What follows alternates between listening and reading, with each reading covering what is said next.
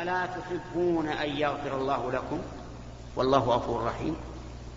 لما نزلت هذه الآية قال أبو بكر بلى والله نحب أن يغفر الله لنا. فرد النفقة على مصطفى هذا الامتثال العظيم. ولا رجل يقول في ابنته ما يقول بل في رسول الله ما يقول. فأمر النبي صلى الله عليه وسلم أن يجلد مصطح حسان حمنة كل واحد ثمانين جلدة حد القذف. لكن عبد الله بن أبي ما أمر بجلده لأنه خبيث ما يصرف ولأن الحد تطهير للمحدود. وعبد الله بن أبي ليس أهلا للطهارة. رجس نجس خبيث. فالحاصل أن من الورع أن الإنسان لا يتكلم إلا بما يعلم. وهذا الاستشهاد الذي استشهد به المؤلف ينطبق تماما على زماننا الآن. ما أكثر الذين يتكلمون في ولاة الأمور؟ بغير علم. ما أكثر الذين يتكلمون في العلماء؟ بغير علم. ما أكثر الذين يتكلمون في طلبة العلم؟ بغير علم. ما أكثر الذين يتكلمون في المحسنين من ذوي الأموال؟ بغير علم. ليس عند الناس ليس عند أكثر الناس وراء. يتكلم الإنسان بما شاء في لسانه من غير أن يتحقق وهذا من الظلم والعدوان على من تكلم فيه أن يتكلم فيه بغير علم. لما قال الرسول عليه الصلاة والسلام في الغيبة إنها ذكرك أخاك بما يكره قالوا أرأيت إن كان في أخي ما أقول؟ قال إن كان فيه ما تقول فقد اغتبته وإن لم يكن فيه ما تقول فقد بهته نسأل الله أن يحمي ألسنتنا وألسنتكم من الكذب وقول الزور وأن يعصمنا من الزلل ويعفو عنا إنه جواد كريم. نقل المؤلف رحمه الله تعالى عن النعمان بن بشير رضي الله عنهما قال سمعت رسول الله صلى الله عليه وسلم يقول إن الحلال بين وإن الحرام بين وبينهما مشتبهات لا يعلمهن كثير من الناس. فمن اتقى الشبهات استبرأ لدينه وعرضه ومن وقع في الشبهات وقع في الحرام كالراعي يرعى حول الحمى يوشك أن يرتع فيه. ألا وإن لكل ملك حمى ألا وإن حمى الله محارمه. ألا وإن في الجسد مضغة إذا صلحت صلح الجسد كله وإذا فسدت فسد الجسد كله ألا وهي القلب. متفق عليه. بسم الله الرحمن الرحيم. قال المؤلف رحمه الله تعالى فيما نقله عن النعمان بن بشير رضي الله عنه وعن أبيه بشير بن سعد في كتابه رياض الصالحين. أن النبي صلى الله عليه وسلم قال الحلال بين والحرام بين وبينهما مشتبهات لا يعلمهن كثير من الناس. قسم النبي صلى الله عليه وسلم الأمور إلى ثلاثة أقسام حلال بين وحرام بين ومشتبه. الحلال البين كحل بهيمة الأنعام. والحرام البين كتحريم الميتة والدم ولحم الخنزير وما, وما أشبه ذلك. وكل ما في القرآن من كلمة أحل فهو حلال ومن كلمة حرم فهو حرام. أحل الله البيع هذا بيع حلال بين. حرم الربا هذا حرام بين. هناك أمور مشتبهات تخفى على الناس. وسبب الخفاء وأسباب الخفاء كثيرة. منها أن لا يكون أن لا يكون النص ثابتا عند الإنسان. يعني يتردد هل يصح عن الرسول عليه الصلاة والسلام أو لا يصح. ثم إذا صح تشتبه دلالته هل يدل على كذا أو لا يدل. ثم إذا دل على شيء معين يشتبه. هل له مخصص إن كان عاما؟ هل له مقيد إن كان مطلقا؟ ثم إذا تبين يشتبه هل هو باق أو منسوخ. المهم أن أسباب الاشتباه كثيرة. فما هو الطريق إلى حل هذا الاشتباه؟ بينه النبي عليه الصلاة والسلام فقال من اتقى الشبهات استبرأ لدينه وعرضه. من اتقاها يعني تجنبها. إلى الشيء الواضح البين استبرأ لدينه وعرضه. استبرأ لدينه حيث سلم من الوقوع في المحرم ولعرضه حيث سلم من كلام الناس فيه. لأنه إذا أخذ الأمور مشتبهة صار عرضة للكلام فيه كما إذا أتى الأمور البينة الواضح تحريمها. ثم ضرب النبي صلى الله عليه وسلم مثلا لذلك بالراعي. راعي غنم أو إبل أو بقر. يرعى حول الحمى يعني حول الحمى الذي حماه أحد من الناس لا يرعى فيه أحد. ومعلوم أنه إذا حمي ازدهر وكثر عشبه أو كثر زرعه لأن الناس لا ينتهكونه بالرعي فالراعي الذي يرعى حول الحمى يوشك أن يقع فيه لأن البهائم إذا رأت الخضرة في هذا المحمي ورأت العشب فإنها تنطلق إليه وتحتاج إلى ملاحظة ومراقبة كبيرة. ومع ذلك لو لاحظ وراقب الإنسان فإنه قد يغفر وقد تغلبه هذه البهائم فترتع في هذا الحمى. كالراعي يرحى حول الحمى يوشك أن يقع فيه ثم قال عليه الصلاة والسلام ألا وإن لكل ملك حمى وهذا يحتمل أن الرسول صلى الله عليه وآله وسلم قال ذلك إقرارا له وأن الملك له أن يحمي مكانا معينا يكثر فيه العشب لبهائم المسلمين البهائم التي تكون في بيت المال كإبل الصدقة وخيل الجهاد وما أشبه ذلك. وأما الذي يحمي لنفسه فإن ذلك حرام عليه. لا يحل لأحد أن يحمي شيئا من أراض من, من أرض الله يختص بها دون عباد الله. فإن ذلك حرام عليه. لأن النبي صلى الله عليه وآله وسلم قال الناس شركاء في ثلاث الماء والكلى والثالث النار. فالكلى لا يجوز لأحد أن يحميه. يضع عليه الشبك أو يضع عنده جنود يمنعون الناس من, من أن يرعوا فيه. فهو غصب لهذا المكان وإن لم يكن غصبا خاصا لأنه ليس ملكا لأحد لكنه منع لشيء يشترك فيه الناس فهذا لا يجوز. ولهذا قال أهل العلم يجوز للإمام أن حمى مرعا لدواب المسلمين بشرط أن لا يضرهم أيضا. فقول الرسول صلى الله عليه وسلم ألا وإن لكل ملك حمى. يحتمل أنه إقرار. فإن كان كذلك فالمراد به ما يحميه الملك لدواب المسلمين كخيول الجهاد وإبل الصدقة وما أشبه ذلك. ويحتمل أنه إخبار بالواقع وإن لم يكن إقرارا له. لأن الرسول عليه الصلاة والسلام قد يخبر بالشيء الواقع أو الذي سيقع من غير إقرار له. أخبر النبي عليه الصلاة والسلام أننا سنرتكب سنن اليهود والنصارى.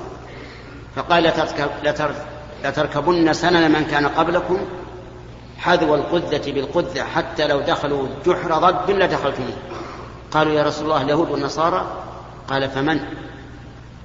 فهل هذا إقرار؟ لا لكنه تحذير. على كل حال الملك له حين. يحمي سواء بحق أو بغير حق. فإذا جاء الناس يرعون حول الحماء حول الأرض المعشبة المخضرة فإنهم لا يملكون البهائم أن ترتع فيها. ثم قال عليه الصلاة والسلام ألا وإن حمى الله محارمه. الله عز وجل أحاط الشريعة بسياج محكم. حمى كل شيء محرم يضر الناس في دينهم أو دنياهم. حماه وإذا كان الشيء مما تدعو النفوس إليه شدد السياج حوله. إذا كان مما تدعو النفوس إليه فإنه يشدد السياج حوله. انظر مثلا إلى الزنا والعياذ بالله. الزنا سببه قوة الشهوة وضعف الإيمان. لكن النفوس تدعو إليه لأنهم جبلة وطبيعة فجعل حوله سياجا يبعد الناس عنه فقال ولا تقربوا الزنا لم يقل لا تزنوا قال ولا تقربوا الزنا. يشمل كل ذريعة توصل إلى الزنا من النظر واللمس والمحادثة وغير ذلك. كذلك الربا حرمه الله عز وجل ولما كانت النفوس تطلبه لما فيه من الفائدة حرم كل ذريعة إلى الربا. فحرم الحيل على الربا ومنعه. وهكذا جعل الله جعل الله عز وجل المحارم حما له تمنع الناس من الوقوع فيها. ثم قال ألا وإن في الجسد مضغة إذا صلحت صلح الجسد كله وإذا فسدت فسد الجسد كله ألا وهي القلب. مضغة يعني قطعة لحم بقدر ما يمضغه الإنسان بقدر ما يعلكه صغيرة لكن شأنها عظيم. هي التي تدبر الجسد. إذا صلحت صلح الجسد كله وإذا فسدت فسد الجسد كله. ليست العين ولا الأنف ولا اللسان ولا اليد ولا الرجل. ولا الكبد ولا غيرها من الأعضاء إنما هي القلب. ولهذا كان الرسول عليه الصلاة والسلام يقول اللهم مقلب القلوب ثبت قلوبنا على طاعتك الله لا ثبت قلوبنا على دينك. اللهم مصرف القلوب صرف قلوبنا إلى طاعتك فالإنسان مدار صلاحه وفساده على القلب. ولهذا ينبغي لك أيها المسلم أن تعتني بصلاح قلبك. صلاح الظواهر وأعمال الجوارح طيب ولكن الشأن كل الشأن في صلاح القلب. يقول الله عن المنافقين وإذا رأيتهم تعجبك أجسامهم وإن يقولوا تسمع لقولهم. إذا رأيتهم تعجبك أجسامهم من الهيئة الحسنة وحسن الجو... عمل الجوارح وإذا قالوا قالوا وإذا قالوا قالوا قولا تسمع له من حسنه وزخرفته لكن قلوبهم خاربة والعياذ بالله. كأنهم خشب مسندة ما فيها خير فأنت اعتني بصلاح القلب. انظر قلبك. هل فيه شيء من الشرك؟ هل فيه شيء من كراهة ما أنزل الله؟ هل فيه شيء من كراهة عباد الله الصالحين؟ هل فيه شيء من الميل إلى الكفار؟ هل فيه شيء من موالاة الكفار؟ هل فيه شيء من الحسد؟ هل فيه شيء من الغل؟ هل فيه شيء من الحقد؟ وما أشبه ذلك من الأمراض العظيمة الكثيرة في القلوب؟ طهر قلبك من هذا. أصلح قلبك فإن المدار عليه أفلا يعلم إذا بعثر ما في القبور وحصل ما ما في الصدور. هذا يوم القيامة العمل على الباطن في الدنيا العمل على الظاهر ما لنا إلا ظواهر إلا ظواهر الناس. لكن في الآخرة العمل على الباطن أصلح الله قلوبنا وقلوبكم. إنه على رجعه لقادر يوم تبلى يعني تختبر السرائر. لذلك أصلح قلبك يا أخي. أصلح قلبك. لا تكره شريعة لا تكره شريعة الله. لا تكره عباد الله الصالحين. لا تكره أي شيء مما نزل الله فإن كراهتك لشيء مما أنزل الله كفر بالله. نسأل الله لنا ولكم الهداية والتوفيق والصلاح. نقل المؤلف رحمه الله تعالى في باب الورع وترك الشبهات. عن النواس بن سمعان رضي الله عنه عن النبي صلى الله عليه وسلم قال البر حسن الخلق. والإثم ما حاك في نفسك وكرهت أن يطلع عليه الناس. رواه مسلم. وعن وابصة بن معبد رضي الله عنه قال أتيت رسول الله صلى الله عليه وسلم فقال جئت تسأل عن البر؟ قلت نعم. قال استفت قلبك البر ما اطمأنت إليه النفس واطمأن إليه القلب. والإثم ما حاك في النفس وتردد في الصدر وإن أفتاك الناس وأفتو وأفتوك. حديث حسن رواه أحمد والدار والدارمي في مسنديهما. والدارمي في مسنديهما.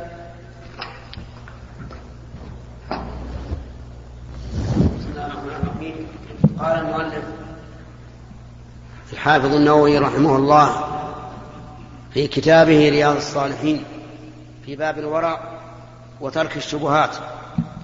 عن وابصة بن معبد رضي الله عنه أن النبي صلى الله عليه وسلم قال البر حسن الخلق. البر حسن الخلق والإثم ما حاك في نفسك ما تردد في نفسك وكرهت أن يطلع عليه الناس. فقوله عليه الصلاة والسلام البر حسن الخلق يعني أن حسن الخلق من البر. الداخل في قوله تعالى وتعاونوا على البر والتقوى وحسن الخلق يكون في عبادة الله ويكون في معاملة عباد الله. فحسن الخلق في عبادة الله أن يتلقى الإنسان أوامر الله بصدر منشرح ونفس مطمئنة ويفعل ذلك بانقياد تام بدون تردد وبدون شك وبدون تسخط. يؤدي الصلاة مع الجماعة منقادا لذلك. يتوضأ في في أيام البرد منقادا لذلك. يتصدق بالزكاة من ماله منقادا لذلك. يصوم رمضان منقادا لذلك يحج منقادا لذلك.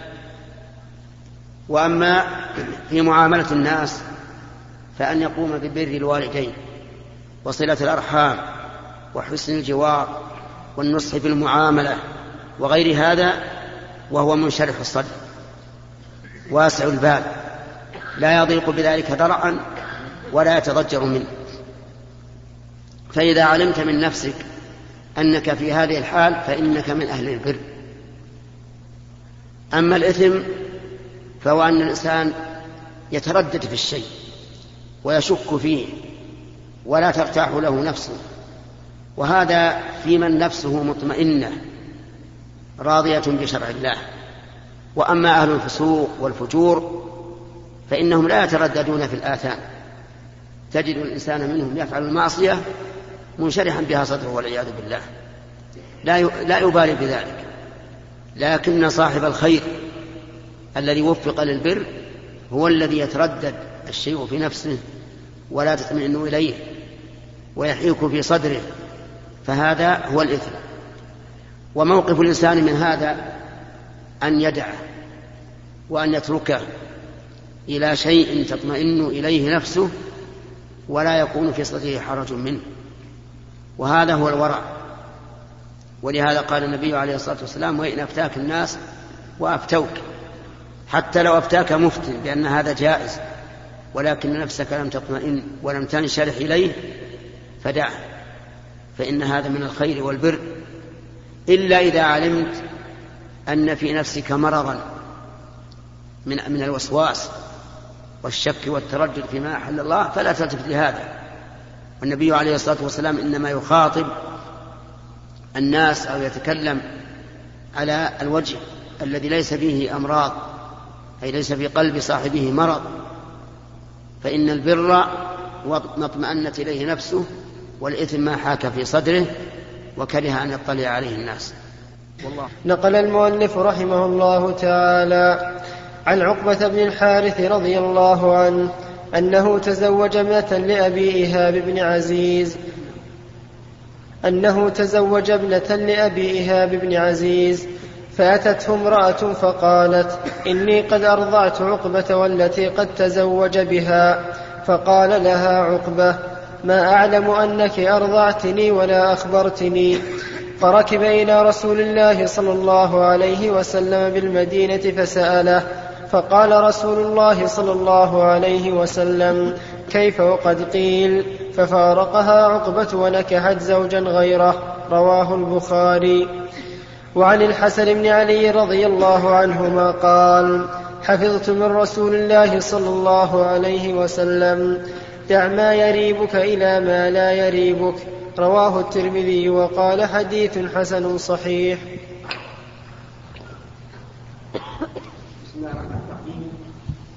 هذان الحديثان ذكرهما المؤلف رحمه الله في باب الورع وترك الشبهات من باب رياض الصالحين.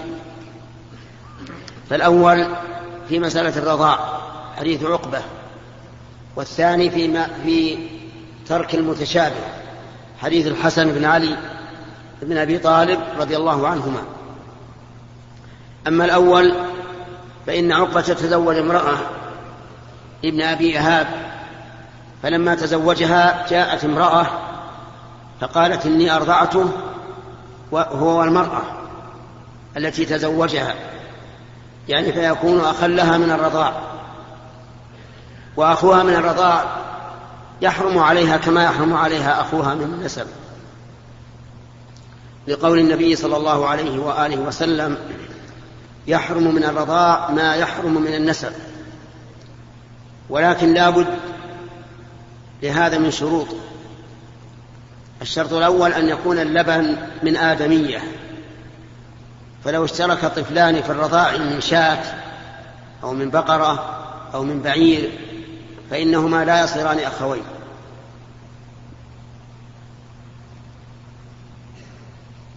لأنه لا بد أن يكون الرضاع من آدمية. لقوله تعالى وأمهاتكم اللاتي أرضعنكم. ولا بد أن يكون الرضاع خمس رضعات فأكثر. فإن كان مرة واحدة أو مرتين أو ثلاث مرات أو أربع مرات فإنه ليس بشيء ولا يؤثر. فلو أن امرأة أرضعت طفلا أربع مرات في أربعة أيام كل مرة يشبع فإنه لا يكون ابنا لها لأنه لا بد من خمس ولو أرضعته خمس مرات ولو لم يشبع فإنها, فإنها تكون أما له ويكون الرضاع محرما. ولا بد أن يكون في زمن الإرضاع وهو ما قبل الفطام في الحولين. فإن لم يكن في هذا الزمن بأن أرضعته وهو كبير فإن ذلك لا يؤثر. فلو أن طفلا له خمس سنوات رضع من امرأة خمس مرات أو عشر مرات فإنه لا يكون ابنا لها من الرضاع لأنه ليس في زمن الإرضاع. فهذه شروط ثلاثة. وإذا ثبت التحريم فإنه ينتشر إلى المرتضع وذريته فقط. ولا ينتشر إلى إخوانه وآبائه وأمهاته وإنما ينتشر إليه وإلى فروعه فقط وهم ذريته. وعلى هذا فيجوز لأخ الطفل الراضع أن يتزوج أخت أخيه من الرضاع وأن يتزوج أم أخيه من الرضاع لأنه لا علاقة أو لا تأثير في الرضاع إلا على المرتضع وذريته يعني فروعه. فأما أصوله وحواشيه أصوله من آباء وأمهات وحواشيه من إخوة وأعمام وأبنائهم وبناتهم فإنه لا تأثير لهم في الرضاع سواء كانوا أكبر منه أو أصغر منه. وما اشتهر عند العامة من أن إخوته الذين هم أصغر منه يلحقهم حكم الرضاع فإنه لا لا صحة له. بعض العوام يقول إذا رضع طفل من امرأة صار ابنا لها وصار إخوته الذين من بعده أبناء لها وهذا غير صحيح. بل جميع إخوته ليس ليس لهم فيها تعلق بوجه من الوجوه. وأما حديث الحسن بن علي بن أبي طالب رضي الله عنهما فإنه فإنه سمع النبي صلى الله عليه وسلم وحفظ منه هذه الجملة المفيدة العظيمة التي تعتبر قاعدة في الورع وهي دع ما يريبك إلى ما لا يريبك. يريبك يعني يحصل لك به ريب وشك فدعه ولا تأخذ إلا بما تيقنته. أو غلب على ظنك إن كان مما يفيد فيه غلبة الظن. وأما ما شككت فيه فدعه وهذا أصل من أصول الورع. ولهذا رأى النبي صلى الله عليه وسلم تمرة رآها في الطريق فلم يأكل منها. وقال إني أخشى أن تكون من الصدقة. وهذا يدخل في هذا الحديث. دع ما يريبك إلى ما لا يريبك ومن ذلك ما إذا كان بينك وبين شخص محاسبة وحصل زيادة لك من أجل هذه المحاسبة وشككت شككت فيها فدعها. وإذا شك فيها صاحبك وتركها فتصدق بها تصدق بها تخلصا منها أو صدقة معلقة بأن تقول اللهم إن كانت لي فهي صدقة أتقرب بها إليك وإن لم تكن لي فهو مال أتخلص به أو أتخلص بالصدقة به من من عذابه. والحاصل أن هذا الحديث حديث عظيم في باب الورع دع ما يريبك إلى ما لا يريبك ما تشك فيه اتركه وخذ بالشيء الذي لا يلحق بك به قلق ولا شك ولا اضطراب. نقل المؤلف رحمه الله تعالى عن عائشة رضي الله عنها قالت كان لأبي بكر الصديق رضي الله عنه غلام يخرج له الخراج وكان أبو بكر يأكل من خراجه فجاء يوما بشيء فأكل منه أبو بكر فقال له الغلام تدري ما هذا؟ فقال أبو بكر ما هو؟ فقال كنت تكهنت لإنسان في الجاهلية وما أحسن الكهانة إلا أني خدعته فلقيني فأعطاني لذلك هذا الذي أكلت منه فأدخل أبو بكر يده فقاء كل شيء في بطنه رواه البخاري.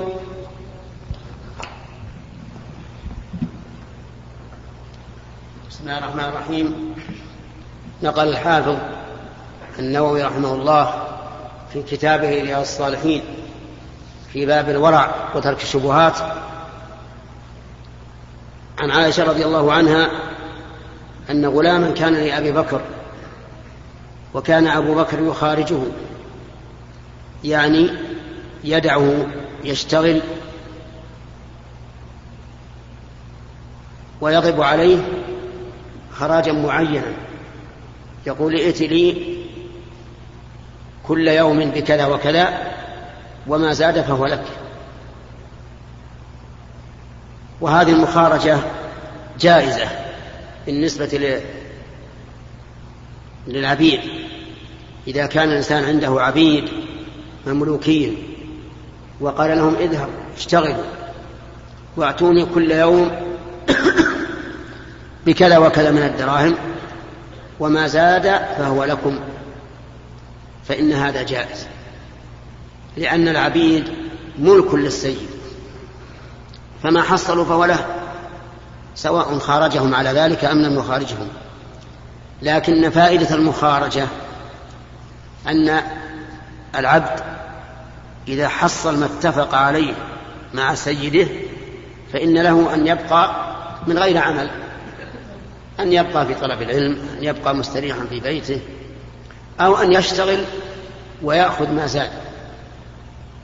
أما بالنسبة للعمال الذين يجلبهم الإنسان إلى البلاد ويقول اذهبوا وعليكم كل شهر كذا وكذا من الدراهم فإن هذا حرام.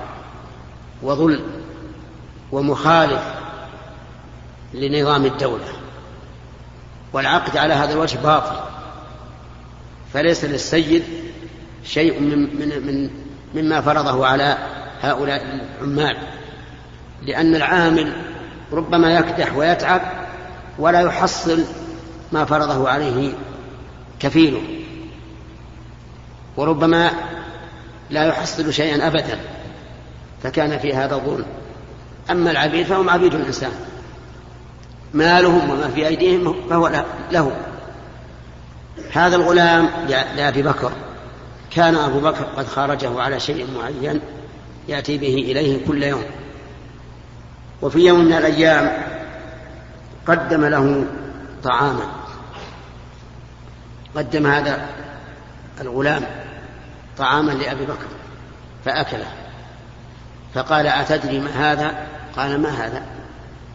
قال هذا عوض عن أجرة كهانة تكهنت فيها في الجاهلية وأنا لا أحسن الكهانة لكني خدعت الرجل فلقيني فأعطاني إياها. وعوض الكهانة حرام سواء كان الكاهن يحسن صنعة الكهانة أو لا يحسن. كما أخبر النبي عليه الصلاة والسلام أن حلوان الكاهن خبيث. فلما قال لأبي بكر هذا المقالة أدخل أبو بكر يده في فمه فقاء كل ما أكل. كل ما أكل قاء وأخرجه من بطنه. لماذا؟ لئلا يتغذى بطنه بحرام. وهذا المال حرام لأنه عوض عن حرام. وقد قال النبي صلى الله عليه وسلم إن الله إذا حرم شيئا حرم ثمنه. فالأجرة على فعل الحرام حرام. ومن ذلك تأجير بعض الناس تكاكينهم على الحلاقين الذين يحلقون اللحى. فإن فإن هذه الأجرة حرام. ولا تحل لصاحب الدكان. لأنها لأنه استؤجر منه لعمل محرم. ومن ذلك أيضا تأجير البنوك في المحلات فإن تأجير البنوك حرام لأن البنك معاملته كلها أو غالبها حرام. وإذا وجد فيه معاملة حلال فهي خلاف الأصل الذي من أجله أنشئ هذا البنك. الأصل في إنشاء البنوك أنها للربا. فإذا أجر الإنسان بيته أو دكانه للبنك يتعامل فيه بالربا فإن الأجرة حرام. ولا تحل لصاحب البيت أو صاحب الدكان. وكذلك من أجر شخصا يبيع المجلات الخليعة أو أو المفسدة بالأفكار الرديئة ومصادمة الشرع فإنه لا يجوز تأجير المحلات لمن يبيع هذه المجلات. لأن الله تعالى قال ولا تعاونوا على الإثم والعدوان. وتأجير المحلات لهؤلاء معونة لهم. وقال النبي صلى الله عليه وآله وسلم إن الله إذا حرم شيئا حرم ثمنه. وفي هذا الحديث دليل وفي هذا الحديث دليل على شدة ورع أبي بكر رضي الله عنه. وهو جدير بهذا لأنه الخليفة الأول على هذه الأمة بعد نبيها صلى الله عليه وآله وسلم. ولهذا كان قول أهل السنة والجماعة أن أبا بكر رضي الله عنه أفضل هذه الأمة لأنه الخليفة الأول. ولأن الرسول عليه الصلاة والسلام قال خطب الناس في مرضه وقال إن أمن الناس علي في ماله وفي نفسه. أبو بكر. أمن الناس عليه في ماله وفي نفسه أبو بكر. قال ولو كنت متخذا من أمتي خليلا لاتخذت أبا بكر ولكن خلة الإسلام ومودته. والنصوص في هذا كثيرة متواترة. حتى أمير المؤمنين علي بن أبي طالب القائل بالصدق وبالقسط والعدل كان يقول على منبر الكوفة وقد تواتر ذلك عنه خير هذه الأمة بعد نبيها أبو بكر ثم عمر. هكذا يقول رضي الله عنه. وقال لا أوتى برجل يفضلني على أبي بكر وعمر إلا جلدته جلد الفرية يعني جلد القذف والكذب. وهذا من تواضعه رضي الله عنه للحق وقول الصدق. وفيه رد ظاهر على الروافض الذين يفضلون عليا على أبي بكر وعمر رضي الله عنهما. بل بعضهم يفضل عليا على رسول الله صلى الله عليه وسلم. ويقول علي أفضل من رسول من محمد وأحق بالرسالة ولكن جبريل خان الأمانة وانصرف بالرسالة عن علي إلى محمد. ولا شك أنهم على ضلال بين والعياذ بالله. نسأل الله لنا ولهم الهداية. والحاصل أن أبا بكر رضي الله عنه فيه هذا الورع العظيم. بعد أن أكل المحرم ذهب يخرجه من جوفه لئلا يتغذى به. والله موفق. نقل المؤلف رحمه الله تعالى عن نافع أن عمر بن الخطاب رضي الله عنه كان فرض للمهاجرين الأولين أربعة آلاف وفرض لابنه ثلاثة آلاف وخمسمائة فقيل له هو من المهاجرين فلم نقصته؟ فقال إنما هاجر به أبوه يقول ليس هو كمن هاجر بنفسه رواه البخاري. وعن عطية بن عروة السعدي الصحابي رضي الله عنه قال قال رسول الله صلى الله عليه وسلم لا يبلغ العبد أن يكون من المتقين حتى يدع ما لا بأس به حذرا مما به بأس. رواه الترمذي وقال حديث حسن بسم الله الرحمن الرحيم قال المؤلف رحمه الله في باب في كتاب رياض الصالحين باب الورع وترك الشبهات. فيما نقله عن نافع عن عبد الله بن عمر رضي الله عنهما أن أمير المؤمنين عمر بن الخطاب فرض للناس أعطياتهم من بيت المال فجعل للمهاجرين أربعة آلاف وجعل لابنه عبد الله ثلاثة آلاف وخمسمائة, وخمسمائة. وابنه عبد الله مهاجر فنقصه عن المهاجرين. نقصه خمسين من أربعمائة. فقيل له إنه من المهاجرين فلماذا نقص نقصته؟ قال إنه هاجر به أبوه ولم يهاجر هو بنفسه. وليس من هاجر به أبوه كمن هاجر بنفسه. وهذا يدل دلالة عظيمة على شدة ورع أمير المؤمنين عمر بن الخطاب رضي الله عنه. وهكذا يجب على من تولى شيئا من أمور المسلمين أن لا يحابي قريبا لقربه ولا غنيا لغناه ولا فقيرا لفقره بل ينزل كل أحد منزلته. فهذا من الورع والعدل. ولم يقل عبد الله بن عمر يا ابت أنا مهاجر ولو شئت لبقيت في مكة. بل وافق على على ما فرضه له أبوه. وأما الحديث الأخير في هذا الباب فهو أن رسول الله صلى الله عليه وسلم قال إن من تمام اليقين والتقوى أن يدع الإنسان ما لا, ما لا بأس به. حذرا مما به بأس. وهذا فيما اشتبه فيما إذا اشتبه مباح بمحرم. وتعذر التمييز فإنه من تمام اليقين والتقوى أن تدع الحلال خوفا من الوقوع في الحرام. وهذا أمر واجب كما قاله أهل العلم أنه إذا اشتبه مباح بمحرم وجب اجتناب الجميع. لأن اجتناب المحرم واجب ولا يتم إلا باجتناب المباح وما لا يتم الواجب إلا به فهو واجب. لكن لو اضطر إلى أحد إلى أحدهما فله أن يتحرى في هذه الحال ويأخذ بما غلب على ظنه.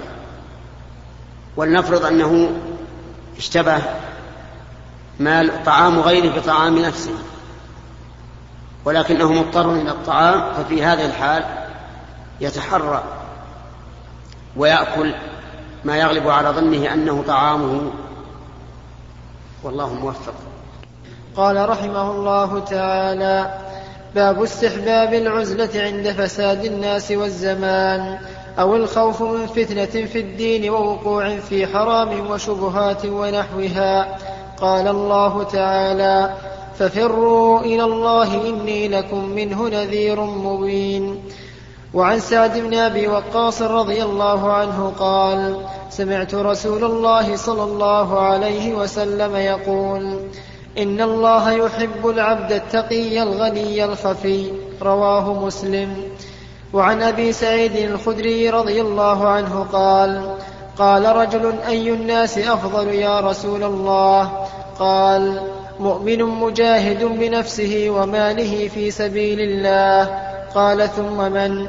قال ثم رجل معتزل في شعب من الشعاب يعبد ربه وفي رواية يتقي الله ويدع, يتقي الله ويدع الناس من شره. متفق عليه. بسم الله الرحمن الرحيم. قال المؤلف رحمه الله تعالى في كتاب رياض الصالحين باب العزلة باب استحباب العزلة عند فساد الناس. وتغير تغير الناس وفساد الزمان وخوف الفتنة وما أشبه ذلك. واعلم أن الأفضل المؤمن الذي يخالط الناس ويصبر على أذاهم. أفضل من المؤمن الذي لا يخالط الناس ولا يصبر على أذاهم. ولكن أحيانا تحصل أمور تكون العزلة فيها خيرا من الاختلاط بالناس. من ذلك إذا خاف الإنسان على نفسه الفتنة. مثل أن يكون في بلد يطالب فيها بأن ينحرف عن دينه أو يدعو إلى بدعة أو يرى الفسوق الكثير فيها أو يخشى على نفسه من الفواحش أو ما أشبه هذا. فهنا العزلة خير له ولهذا أمر الإنسان أن يهاجر من بلد الشرك إلى بلد الإسلام ومن بلد الفسوق إلى بلد الاستقامة.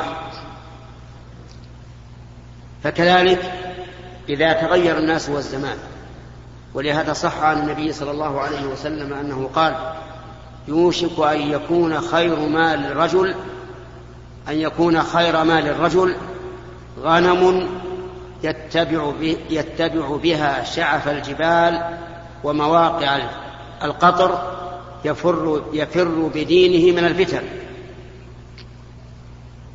فهذا هو التقسيم العزلة خير إن كان في الاختلاط الشر وإلا فالأصل